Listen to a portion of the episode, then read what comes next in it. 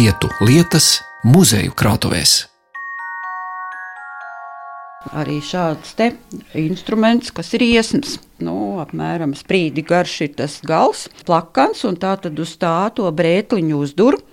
Un jā, jāuztrāpa tai zivtiņai ir uz mugurkaula asaks tajā vidiņā. Var dzirdēt, ka noknikšķi, un tad viņas te tā rindiņā savērtas, muguriņas uz augšu, vēderiņu uz apakšu, apkājas ar sāli, un tad, kad ir izkurināta plīts, ka tur palikusi tikai oglītes, plītī uz tām oglītēm tur un groza uzmanās, jo viņas ir treknas, tauki tek uz oglītēm, ne, lai neaizsilstās. Jā. Nu, tad ar eh, sauktajiem rūšāciņiem, kartupeļus visu mizu un rūgušpienu. Oktobra vakaros tas ir tāds ārkārtīgi garšīgs paēdiens. Šis garšīgais stāsts tapa Kaltenē 19. gadsimta beigās celtajā barona Nolkena vasarnīcā, stāvot pie plauktiem, kur glabājas daļa no Rojas jūras zvejniecības muzeja krājuma. Kopā ar krājuma glabātāju Gundegu Balodi te uzklausīsim stāstu par suvenīru kompasu, kas ir līdzējis bēgļu gaitās, raudzīsim kādas dzimtas vēsturi, kas datēta nelielā piezīmju blociņā, un ja reiz tika pieminētas brētliņas, tad būs arī stāsts par šīs puses konservu fabrikas vēsturi. Bet vispirms iepazīsim ēku, kurā atrodas krājums. Sarkanbrūni krāsots koka nams ar baltiem logu rāmjiem un lakoniskām koka mežģīnēm pie dzegas. Tāda lauku radiniece 19. gadsimta nogalē celtajām graznajām jūrmalas vasarnīcām. Gundega balode man rāda melnbaltu foto un stāsta par 1899. gadā barona Nolkena atpūtas vajadzībām celto ēku. Kā uzraksts vēstīja Kaltenes klubs, Šeit mums ir arī attēls, kur ir redzams, ka ēka ir tiešām bijusi tāda skaista koka ēka ar balkoniņiem, ar verandiņām un turnīšiem, kas esot bijuši izlikti tā kā ar zivju zvīņām spīdējuši. Pašai ēkai bija lubiņu jumts, tad tie turnīši bijuši tādi spoži. Nu, tā tad mūsu kaltenes ciems, kurā mēs atrodamies, tajos laikos bija sadalīts piederēja trim baroniem. Viena daļa bija Lubezeres baronam, Un mēs atrodamies daļā, kas piederēja Nogals baronam, un tālākais baznīcas vēl bija Vanzens baronam.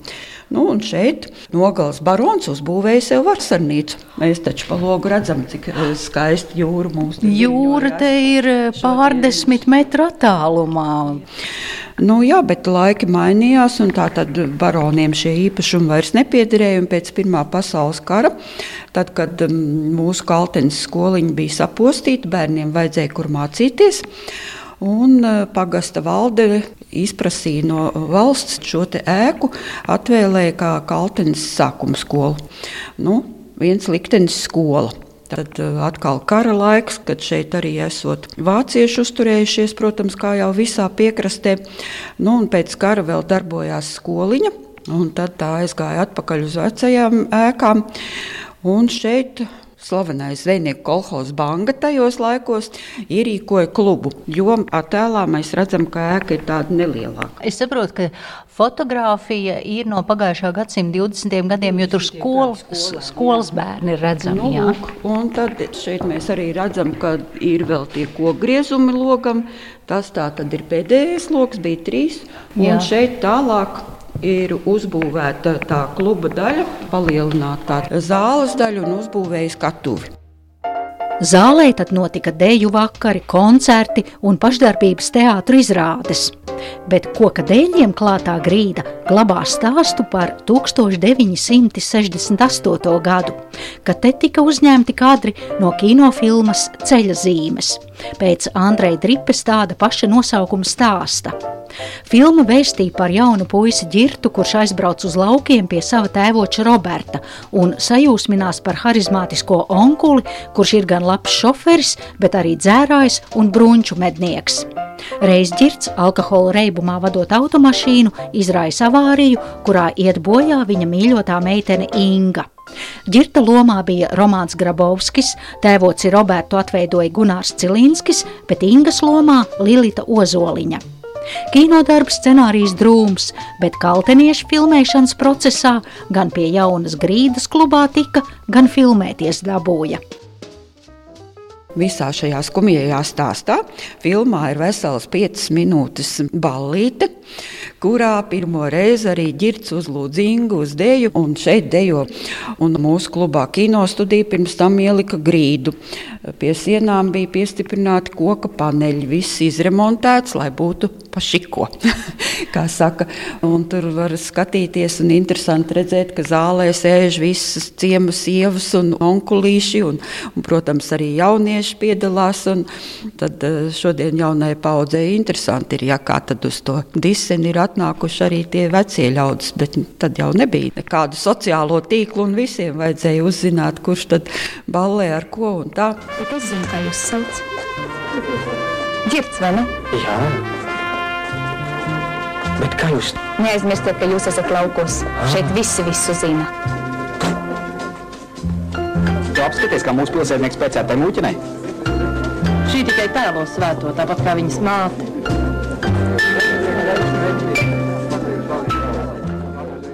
Un uz skatuves savukārt spēlē Rojas estrādes ansamblis, ko tajā laikā vadīja komponists Ziedonis Linde.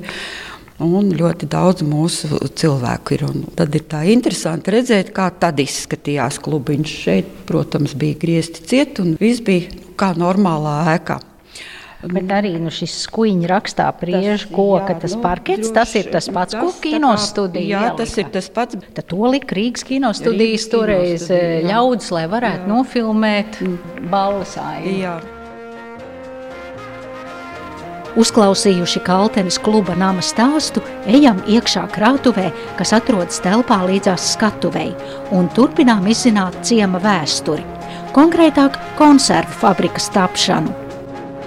Starp dažādiem jūrniecības mērinstrumentiem, un bojām, un pludiņiem un zvejnieku saimniecības rīkiem, tad tas garšīgākais plaukts, kur es varu lasīt reņģes garšvielu sālījumā, šprotu pastēte, forele kūpināta, okeāna stavridas filejas gabaliņos eļļā, Rīgas ķilavas ar garšvielām.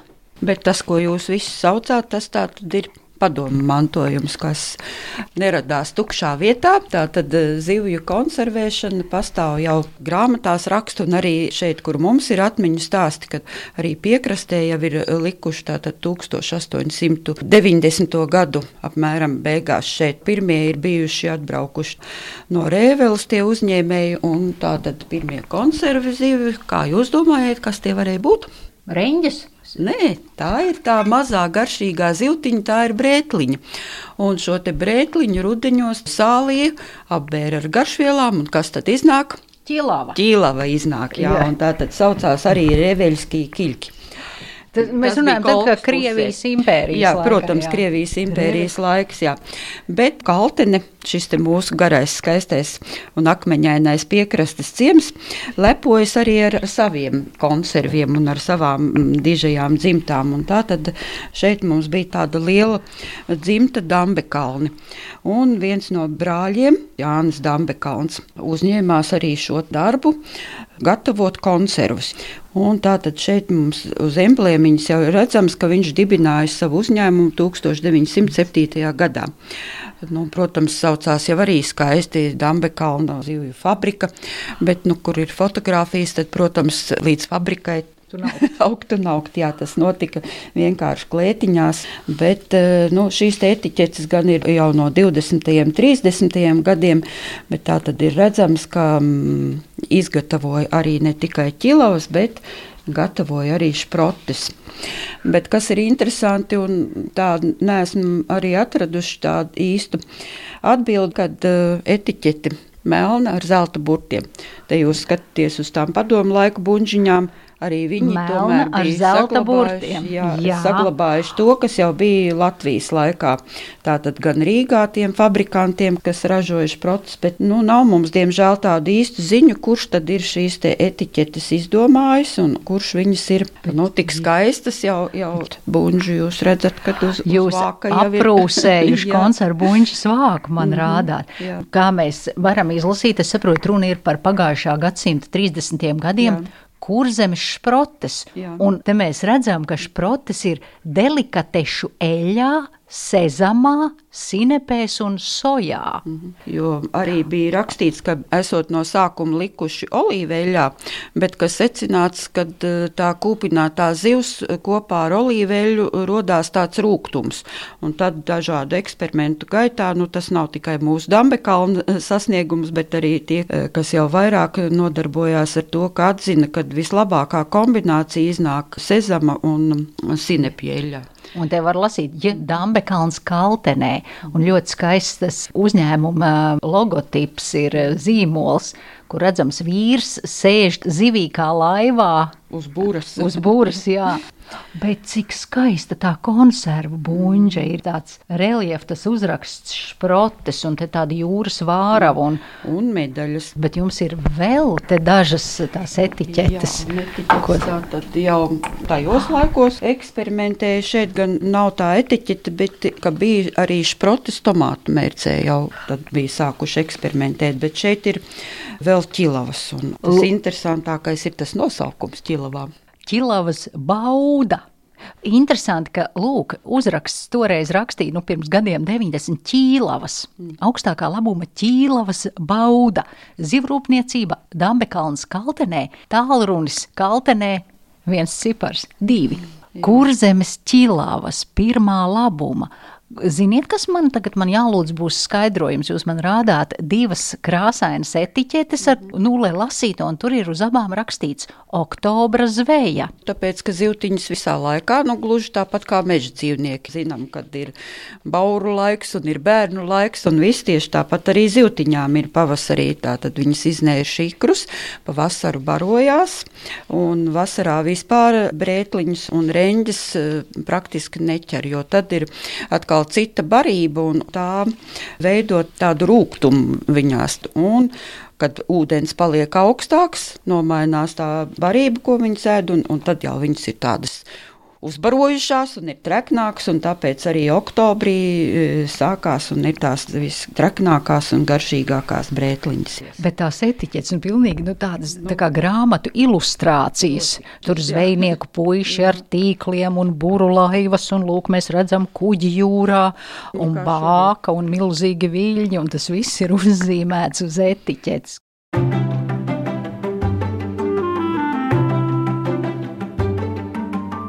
Vietu lietas. Bet kas man ieinteresēja, te ir tas padomu laika konservu kārbas, un uz vienas te jau ir, protams, uzreiz gan krievu, gan latviešu valodā augsti kūpināta forele. Tādas arī te. Nu, Foreles bija tas bija laiks, tie bija 70. gadu beigas, 80. gadi, kad zvejnieku kolhozā saprata to, ka jau tie zivju resursi nebūs mūžīgi un arī sāka interesēties par zivju audzēšanu. Un tā tad Kaltenē tapa tas vērienīgais projekts, kad um, bija doma, ka būs eksperimentālā lašveidīgo zivju audzētava. Un izbūvēja sūkņu staciju un angārus ar basēniem, kur tos mazuļus audzēt. Un pirmo kārtu palaida, bet diemžēl tur viss nebija kā nākās. Tad sākās perestroika un šis projekts. Izgāzās, varētu teikt tā. Bet jūrā eh, pēc Japāņu parauga bija zivju dārzi. Arī tajā laikā speciāli bija iegādāts kuģis, kurš tā tad brauc pie šiem zivju dārziem, tādi no tīkla auduma veidoti tie dārzi, un kur, kuros audzēja foreles. Un vēl bez tam bija sasmakas ezerā kolhozam, bija arī mazuļu audzētavu. Tā kā ar foreļu audzēšanu zvejnieku kolhoz banga nodarbojās.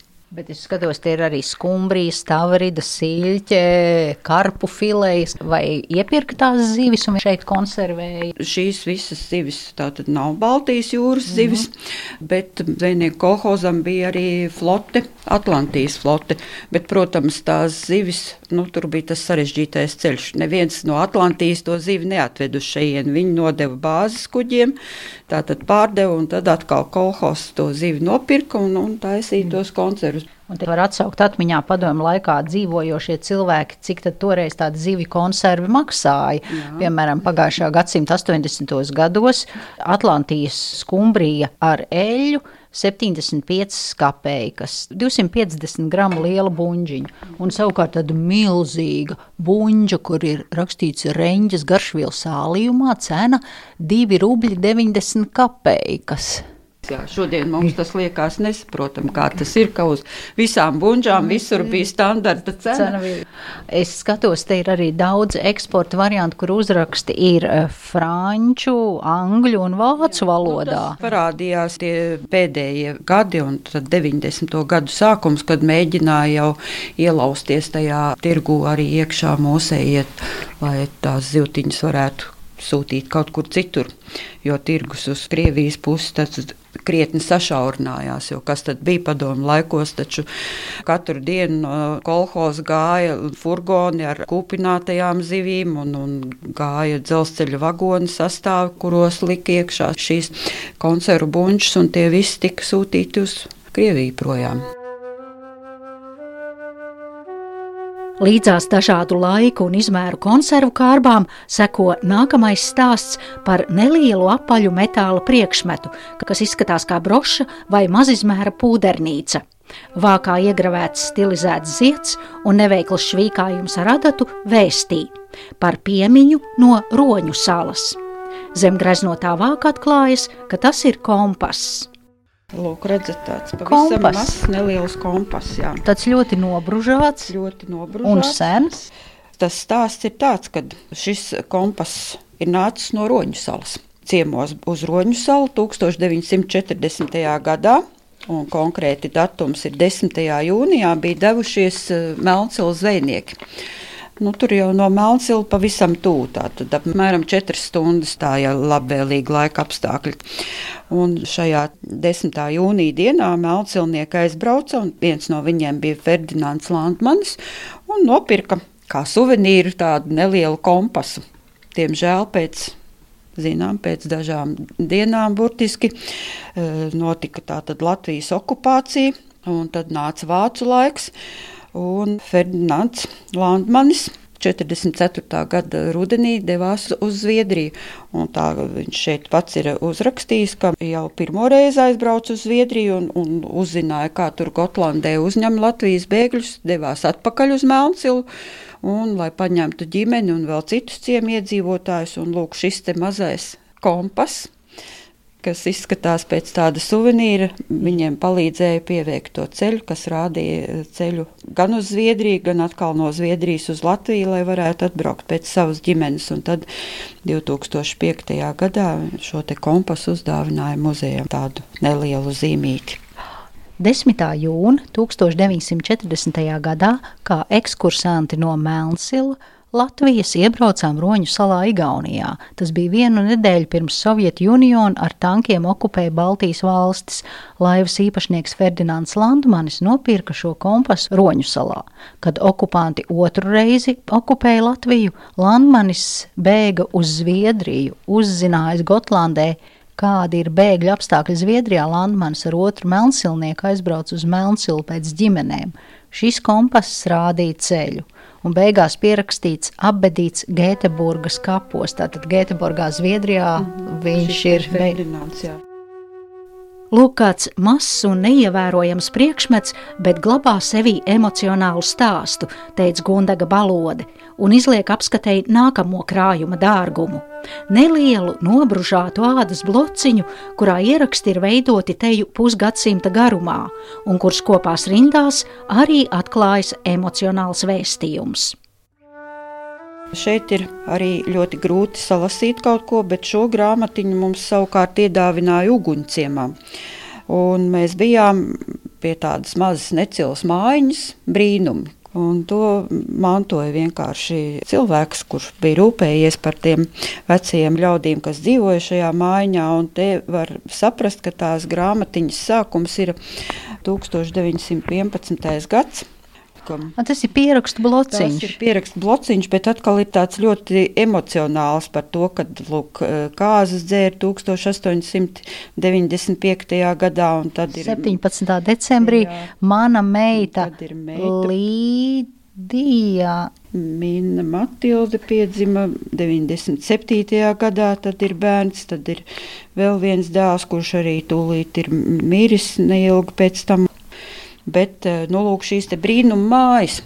Un te ir arī tāds neliels aprakstīns, ka brīnuma mājas 11. gadā viņš Frits Janķevits, 40 gadu vecs, un sieva Anna Janķevits, 37 gadus vecs, un mūsu dēls Kārlis Gustavs Janķevits, 8 gadus vecs iemērojām mājas grunts laukumu pēc ziemeļu un dienvidu vējiem. Un tas zemes numurs, un tur arī mazliet ir rakstīts, cik tad izmaksāja tie materiāli, un ka tā māja ir bijusi tāda pusuzcelta, ko viņi ir nopirkuši. Un tad ir tas interesantais, ka bija dzirdējusi, ka šajā pusē ir tā, ka eh, māju vārdu iedod kaimiņi vai kaut kas tur apkārt.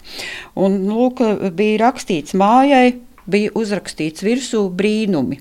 Te vēl ir tāda nianse, ko varbūt tas rakstītājs tā nav pilnībā atklājis, bet tas, kurš mums uzdāvināja to grāmatiņu, kad mēs prasījām, vai zina, kāpēc tādai mazai necilai mājiņai ir uzraksts brīnumi, Viņš teica, ka, nu, jā, lūk, šis te fricis tur jau arī rakstīja 40 gadu. Tāds arī bijis tāds vētrainas dzīves cienītājs un viss, ka tie brīnumi tāpēc laikam ir tapuši no tās ļaužu mutes tur uzrakstīti, ka nu, visi tomēr brīnījušies, ka viņš to paveiks, ka viņš to mājiņu uzbūvēs, ka tas tā arī tiks novest līdz galam, jo laikam tie citi darbi viņam tā īpaši nebija gājuši no rokas, un tāpēc arī tā mājiņa nes to vārdu brīnumu. Tad bija arī tas apraksts, nu, kad viņi te bija ievākušies, un kā tie kaimiņi bija nākuši un, un pierakstīts, ka te bija atnesa baltmaizi, tātad ciema kukulim, tur Morgensterns, kas bija arī kuģu būvētājs, jā, tā māja tieši tur kaimiņos ir, un vēl viena kaimiņa arī baltmaizi un medus atnests, un kad tāda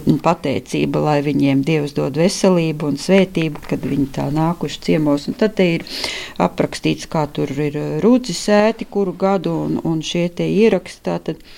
Te var redzēt, ka kaut kas ir maksāts, tur viens jā. rubls 50 kapeikas, viens rublis 60 kapeikas, bet tam grūti salasīt, kas tas viss ir.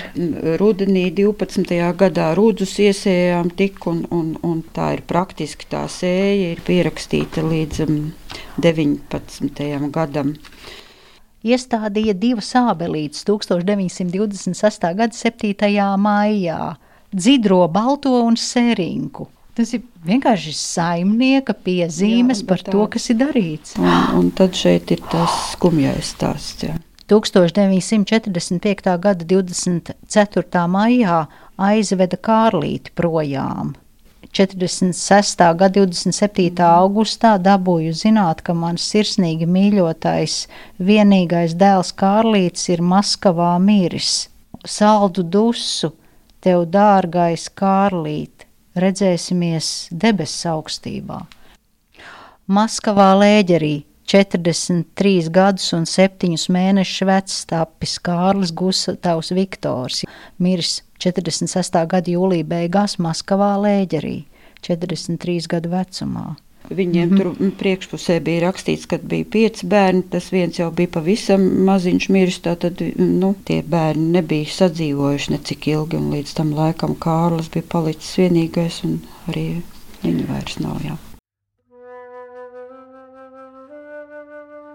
Nu, tāda emocionāla mm, arī šī mazā mm. grāmatiņa. Cilvēks tā, tos galvenos mirkļus ir atzīmējis, un, un arī tās vērtības, kas mums katros laikos katram ir cik tas bija svarīgi atzīmēt, mm. cik daudz rudus iesēja, cik novāca un arī lūk, kādu ābelīti iestādīja. Un, un tas, ka kaimiņš tev ir atnesis baltmaizi un pateikties viņam par to.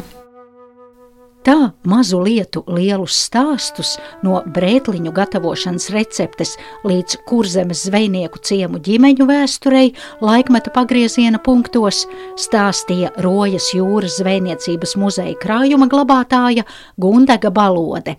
Viņu uzklausīja un raidījumu veidoja Zane Lāce Baltalksne. Vietu lietas.